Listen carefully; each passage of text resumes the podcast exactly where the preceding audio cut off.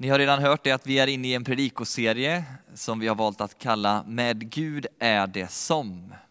Sex stycken liknelser, några av de mest kända har vi under de här sex söndagarna för avsikt att reda ut och gå igenom. Eh, och vi gör det därför att vi tror att de har någonting viktigt att säga till oss människor om vem Gud är och vad han längtar efter i den här världen och i våra liv. Eh, idag så har vi kommit till en liknelse som har namnet och rubriken i den här boken Den obarmhärtige medtjänaren. Om man ska jämföra med några av de andra så kanske det här inte är en lika känd liknelse. Det finns säkert en del av er där hemma som inte ens har hört den tidigare. Men den har väldigt mycket att säga och den har eh, tar sitt utgångspunkt i ett tema som är väldigt, väldigt viktigt. Ni som hörde eller som var en del av den skärtorsdagsgudstjänst som vi sände härifrån, då vi firade nattvard för några veckor sedan, hörde mig berätta om en undersökning som jag skulle vilja repetera. Det var en undersökning som man gjorde för att ta reda på vad människor allra mest vill höra någon annan säga till en. Och på första plats i den där undersökningen kom såklart Jag älskar dig. På andra plats kom Jag förlåter dig. Och på tredje plats kommer Maten är klar. Och alla de där tre, de har ju med vårt vardagliga liv att göra. Och den som kommer på andra plats, Jag förlåter dig, det är den som vi ska röra oss kring idag. Den kammar hem silvermedaljen när det kommer till vad vi människor vill höra. Alltså precis efter det att vi behöver bli älskade. Så viktigt är det här med förlåtelse. Och jag tror det beror på att de här två är intimt förknippade med varandra. Kärlek går inte att helt och hållet tala om utan att också tala om förlåtelse. Och det här ordet då, barmhärtighet som står i centrum i dagens text, den obarmhärtige tjänaren. I grekiskan och i grundtexten så används ordet elios för att översätta det ordet för barmhärtighet. Men om man istället använder det hebreiska ordet som förekommer på många andra ställen i Bibeln, så används ett annat ord som, som heter hesed. Och det ordet översätts ofta också med kärlek faktiskt. Men inte en vanlig kärlek, sådär lite fin i kanterna som eh, vi kanske tänker den, med förälskelsens förtecken, utan en kärlek som är orubblig, och som är någon slags ingrediens i en levande relation över tid. Vi talar om en slags, ett slags karaktärsdrag här som Gud själv har. Som vill helt enkelt levandegöra vår relation med honom, inte bara över en viss tid utan i evigheten. Och vi kan läsa om det här i Jesaja 54 och 10, ett bibelord som jag personligen tycker väldigt mycket om. Därför att det gavs till mig av Gud vid ett tillfälle när jag hade väldigt svårt att tro på att Gud faktiskt förlåter just mig. Och här talas det om den kärleken och det står så här. Om än bergen rubbas och höjderna vacklar ska min trohet mot dig inte rubbas och mitt fredsförbund inte vackla, säger han som älskar dig. En sådan kärlek är det som vi talar om. Men den som följer den här bokens berättelser om den här, det här folket på gamla testamentets tid, Israels folk, vet ju att det här folket var ju inte Guds bästa barn. De gjorde det ena efter det andra fel, både mot varandra och emot Gud. Och ändå fortsätter han att älska dem. Och därför förstår vi att i den kärleken så inbegriper också ett stort mått av förlåtelse. Det är helt omöjligt att älska ett folk på det sättet som han gör om det inte finns ett stort mått av förlåtelse med i bilden. För några år sedan så var jag på en vigsel. Det var ett eh, par som finns i min bekantskapskrets som gifte sig. Och det var jag som var vigselförrättaren. Och efteråt så satt jag mitt emot brudgummens farmor och farfar vid ett bord vid festen. Och så blir det farfars tur att hålla ett tal. Och han går upp och i samma stund som man gör det så märker jag att farmor sjunker lite under bordet så här. Hon viskar över till mig. Hoppas bara inte han säger någonting dumt nu. Men det behövde hon inte vara rädd för. Därför det talet kommer jag fortfarande ihåg som kanske är ett av det bästa jag har hört i, begra i begravningssammanhang, i bröllopssammanhang. Eh, och det han sa, eller i alla fall sensmoralen av det han sa var detta. Där det finns mycket kärlek, där finns det också mycket förlåtelse. Och det var verkligen ord som var sprungna ur hans eget liv. Det märktes i hans tal. Om man älskar varandra, då kommer man också förlåta varandra. Och det var heller ingen slump att brudgummens farfar höll det här talet just på ett bröllop, tänker jag. Därför det finns ingen annan plats där det här ordet förlåtelse är så avgörande och viktigt som just i ett mänskligt hem. Du kanske la märke till det att alla de här tre sakerna, jag älskar dig, jag förlåter dig, maten är klar. Det är saker vi säger allra oftast just hemma. Visst, vi säger det i offentliga sammanhang, men inte alls lika ofta. Det är i hemmet de här tre utspelar sig. Och ibland så idylliserar vi ganska mycket när vi talar om hemmet. Vi säger så här, hem, ljuva hem till exempel. Eller borta bra men hemma bäst. Ni känner igen de här begreppen. Och det är ju sanning på ett vis men också med en modifikation. För det, det, stämmer inte helt och hållet, det vet vi. Därför, därför är det också så att det är hemma som vi lever allra tätast in på varandra. Det är där som vi inte orkar hålla de masker som vi annars kanske på jobbet och bland vänner håller framför oss när vi möter människor. Och det är där som de där sidorna som vi skäms över sipprar fram på ett annat sätt än vad de gör i andra sammanhang. Och det är också tyvärr ofta där som vi sårar varandra allra mest. I hemmet så möter vi varandra i olika skeden i livet. Det kan vara efter en sömnlös natt vid frukostbordet. Det kan vara efter en jobbig, tuff, svår och på alla sätt prövande arbetsdag som vi sitter vid matbordet tillsammans. Eller efter man kommit hem från skolan och misslyckats totalt med det där provet som man trodde skulle gå bra. Och där möts vi och det är också självklart någonstans att det är så att det är där som de mest sårande sakerna sägs. Därför det är när vi lever nära varandra i de här täta kärleksrelationerna och litar på varandra som vi är riktigt sårbara inför varandra. Det är där som vi vågar vara oss själva. Och det är också därför som de här sakerna bubblar upp till ytan just där. Därför är förlåtelsen extremt viktig i de här sammanhangen. Och det visste den här farfan till brudgummen. Och därför säger han det redan på bröllopsdagen till sitt barnbarn. Och vi ser att det är ofta i familjen som det är tufft med konflikter också i Bibeln. Vi kan läsa redan i de första kapitlen i boken om Kain och Abel och deras relation som slutade med ett mord. Vi kan läsa om, om Jakob och Esau och den berättelsen där den ena sonen lurar den andra sonen och sin pappa. Ni kan läsa vidare om det själva. Och ni kan också se det i det exemplet som vi pratade om förra veckan. Om den förlorade sonen. Två stycken förlorade söner egentligen som båda var förlåtna av Gud men som inte hade förlåtit varandra. Förlåtelsen i familjen är otroligt viktig.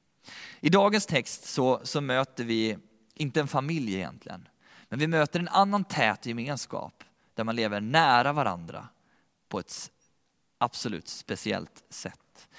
Och det är i lärjungaskaran skulle man kunna säga. För den som ställer frågan här, det är inte vem som helst, utan det är Petrus. Precis efter att Jesus har talat om oförrätter som vi människor begår mot varandra och hur vi ska hantera dem, så kommer, så Petrus fram till Jesus och ställer den här frågan. Som sen öppnar upp för hela den här liknelsen som vi ska gå in i nu. Han ställer frågan, hur många gånger ska jag förlåta min broder? Hur många gånger ska jag tillåta att han gör orätt mot mig och ändå ge honom min förlåtelse? Ska jag göra det så många gånger som sju? Säger Petrus. Men Jesus tittar på honom och säger, inte sju gånger, utan 77 gånger. Eller som det står i folkbibeln, 70 gånger sju. Alltså väldigt många gånger. Det är som att Jesus säger, sluta räkna Petrus. Bara förlåt. Och sen kommer den här liknelsen som en förklaring på det som Jesus har sagt här. Och då berättar Jesus om en kung. En kung som bestämmer sig för att gå igenom sina räkenskaper och se över vilka personer som är skyldiga vad. Och han kallar in en tjänare som är skyldig 10 000 talenter. En stor summa pengar, vi kommer in på det senare. Och så händer då i, den här, i det här sammanhanget, i det här rummet, fyra stycken saker i den här liknelsen ska jag säga, som jag vill stanna upp vid nu. Fyra stycken saker. Två stycken saker som kungen gör. Och en sak som tjänaren gör och en sak som tjänaren inte gör. Om ni inte hängde med på det så kommer ni snart förstå vad jag menar. Den första punkten som jag vill säga någonting om det är att kungen bekräftar skulden. Kungen bekräftar skulden och vad menar jag med det? Jo, det som händer här, det är inte att kungen börjar bortförklara lite, ah, det är inte så mycket pengar det här egentligen. Vi, vi, vi, vi prutar lite, du kan betala lite mindre. Och det som hände här, det, det är inte så avgörande egentligen. Eh, jag förstår att, att det kan bli fel ibland. Tvärtom, han säger svart på vitt. 10 000 talenter är du skyldig. Så är det. Det är en bekräftelse av vad som gäller, vad som ligger på bordet. Och jag tänker så här, i våra medmänskliga relationer så gör vi precis tvärtom ofta. När vi är skyldiga varandra. Och nu talar jag inte om pengar, utan jag pratar om oförrätter eller saker vi har gjort som har sårat en annan människa. Vi börjar direkt tänka, nej men det var väl inte så farligt. Och ju mer man går och grunnar på det man har gjort eller sagt så tänker man mer och mer, nej men det, det behöver vi inte ta upp och säga någonting om det var inte så farligt. Vi förmildrar, vi avdramatiserar. Och ibland gör vi det också i den omvända situationen, om någon har gjort mig illa. Och jag går och tänker och funderar på det där och jag tänker det var inte så farligt, det är nog jag som är känslig bara. Och I den lögnen kan man leva ganska länge, även om det är ganska svåra saker och sår som någon har åstadkommit i ens inre. Så kan man gå och tänka så. Ända tills man berättar för någon annan och säger det är absolut inte okej. Okay det som har hänt. Och så börjar såren komma upp till ytan och behovet av försoning blir ja, men vibrerande starkt i det sammanhanget. Men det behöver det få bli. För så länge det liksom ligger här nere djupt i vår personlighet så kommer det att ta vår kraft och dränera oss på livsglädje. Det behöver få komma upp till ytan. Det behöver få talas sanning om det som har hänt för att det ska kunna släppa taget om oss. Synd är en allvarlig sak enligt den här boken. Och så är det för Gud. Och varför är det det? Jo, det är det därför att människor har blivit skadade av det vi har gjort. Och Gud älskar människor. Och därför vill han att vi ska försonas precis som vi försonas med honom.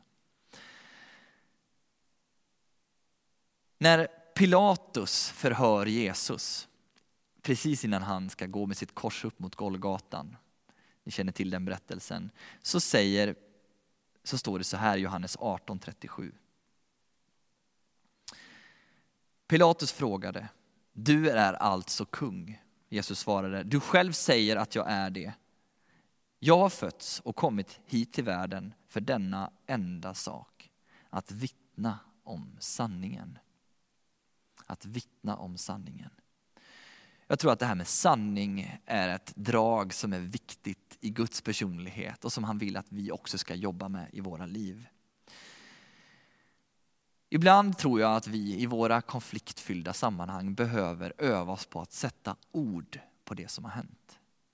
Att inte avdramatisera, att inte bortförklara, utan säga det var det här jag sa. Det var det här jag gjorde som sårade dig, förlåt mig för det.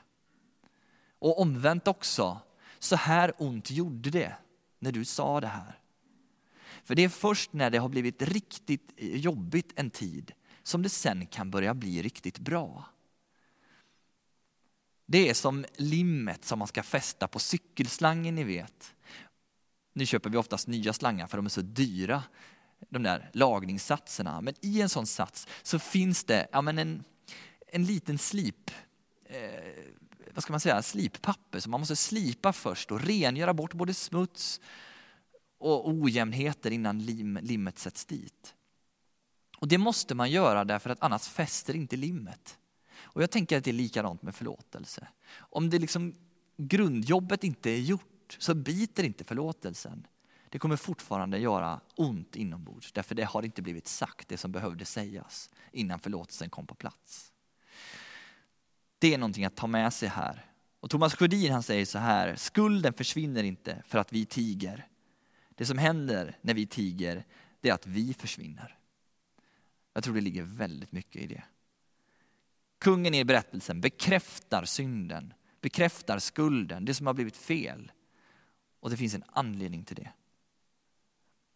Det andra som händer, det är att tjänaren ber om nåd. Ni hörde i berättelsen hur, hur tjänaren kastar sig ner vid fötterna på den här kungen och, och ber att få tid. Att, att, få, att han ska lösa det om han bara får tid att betala. Och det är då någonting händer i kungens hjärta.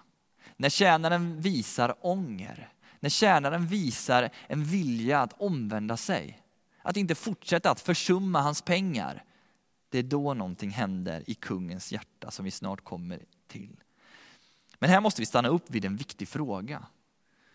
Och det är det här med, vi funderar ibland på, måste allting, måste allting förlåtas? Måste vi förlåta den som har gjort oss riktigt, riktigt illa? Måste den som har blivit utsatt för till exempel en våldtäkt förlåta sin våldtäktsman?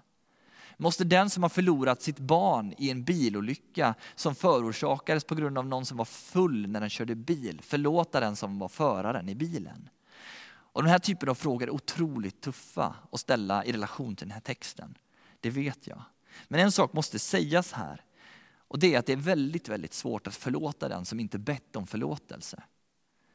Det är att kräva nästan mer av sig själv än vad Gud faktiskt, än vad vi kräver av Gud. Därför i den här texten för inte ens kungen förlåtelsen på tal förrän ången och viljan till omvändelse är på plats. Det är först då vi kan börja tala om förlåtelse. Det är då dörren blir synlig, den vi kan öppna. Förlåtelsens dörr. Innan dess är det inte möjligt. Ånger och vilja till omvändelse måste finnas där först och främst. Det kan vi i alla fall vara helt säkra på. Och därför så behöver man vara barmhärtig mot sig själv när man har drabbats av någonting väldigt tufft av någon annan människa som inte ens har bett om förlåtelse. Det är en väldigt svår sak att förlåta den som inte har gjort det. Förutsättningen är just ånger och omvändelse som vi ser att tjänaren visar i det här exemplet. Och då händer den tredje saken och det är att kungen efterskänker skulden.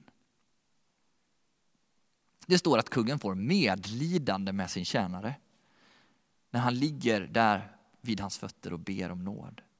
Och den här skulden som tjänaren var skyldig, 10 000 talenter, den är svår att översätta till ören och kronor för den är så otroligt stor. De som har räknat har väl landat i hundratals årslöner på den här tiden. Alltså det är så mycket pengar att ingen människa skulle kunna arbeta ihop den egentligen. Så det han säger när han ligger på knä, ge mig nåd, ge mig tid att få, så ska jag betala allt sammans. Det är någon slags desperation. För egentligen vet han att han kommer aldrig kunna betala tillbaka den skulden. Det är helt omöjligt. Det är för mycket pengar. Det är inte tal om ett litet lån här utan det är någon slags förskingring som har skett i miljardklasser. Och för oss så är ju liknelsen tydlig så att det skriker om det. Våra liv innehåller så mycket av felsteg och brustenhet. Saker vi har sagt och gjort mot andra människor. Att vi omöjligt på egen hand kan förtjäna en plats i Guds rike och i Guds famn. Det är ingenting vi kan göra på egen hand överhuvudtaget. Vi kan aldrig arbeta oss till det ens om vi skulle hålla på ett helt liv. Det är omöjligt.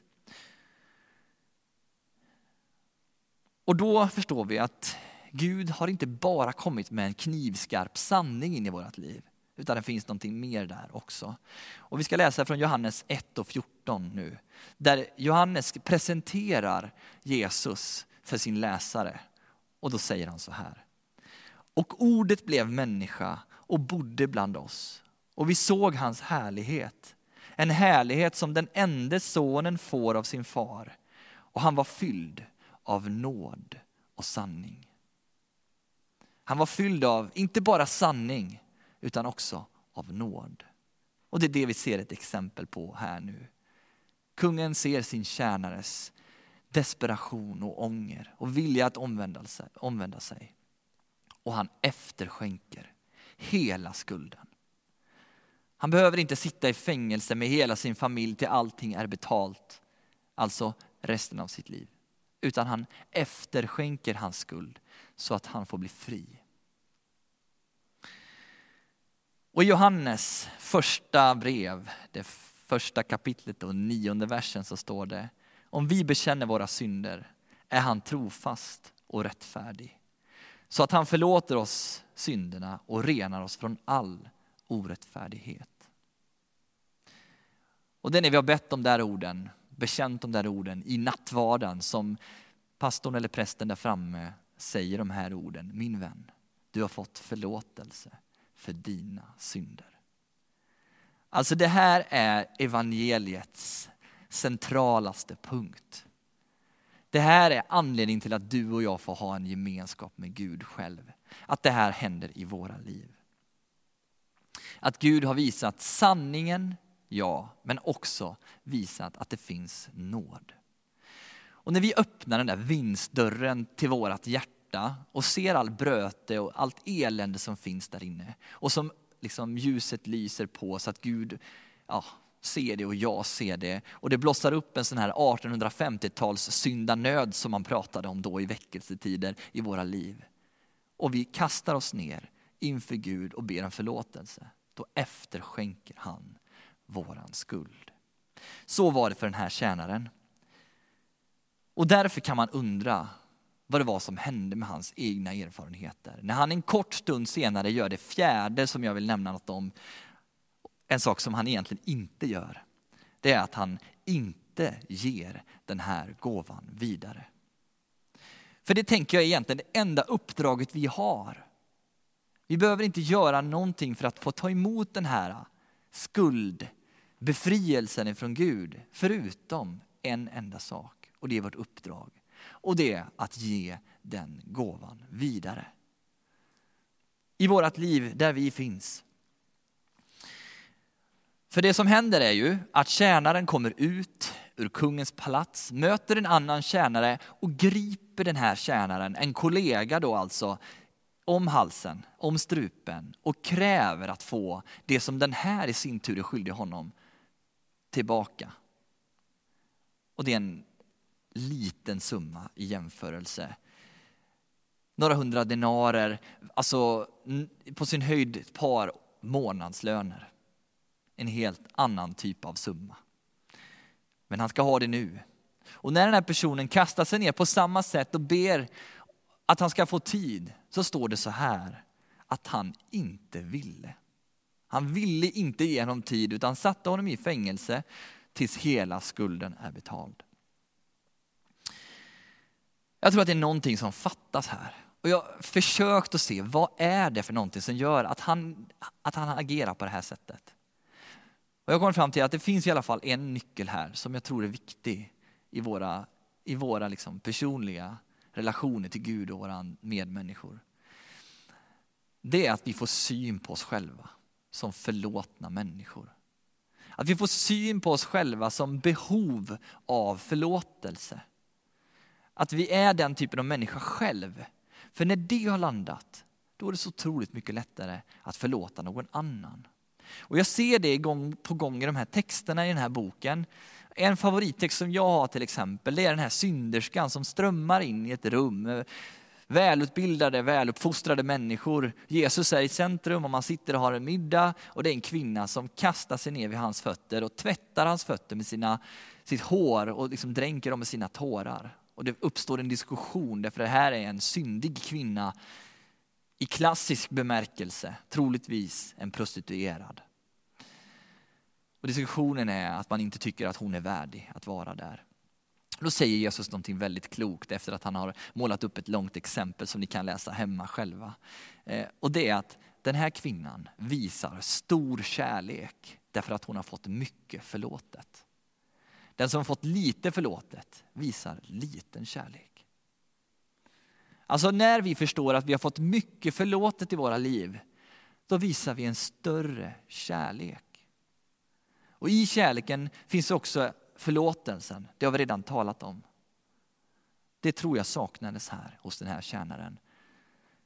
Och det är någonting som vi behöver upptäcka i våra liv. Vi är människor som har fått mycket förlåtet, både av andra människor men särskilt ifrån Gud. Då behöver vi också visa stor barmhärtighet och kärlek mot andra som kommer till oss och ber om sin förlåtelse. Förlåtelse är en svår sak, men det kan ske.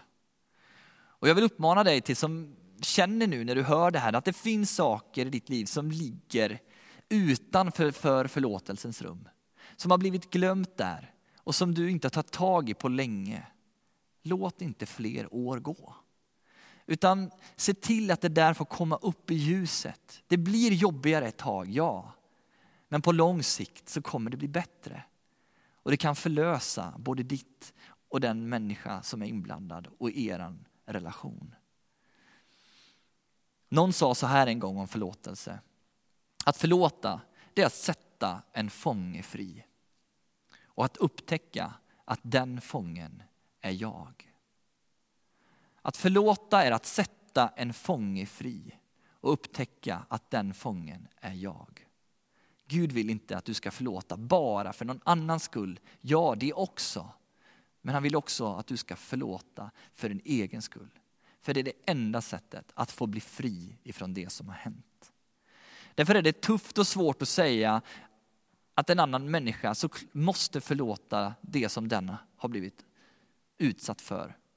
Men jag tror egentligen att det är det som behövs. Och det miraklet kan ske om sanningen får komma fram på riktigt. Om viljan till omvändelse finns och eh, om den som blivit drabbad själv fått bli överskylld av Guds nåd och förstått sig vara i behov av förlåtelse.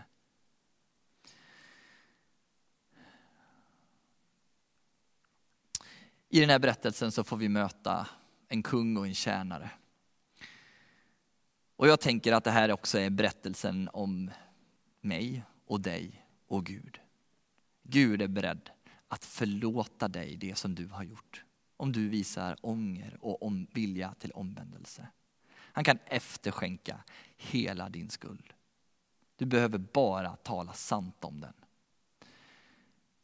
Och i nästa steg så vill han ge dig ett uppdrag och det är att förlåta andra. Att ge den gåvan vidare till andra.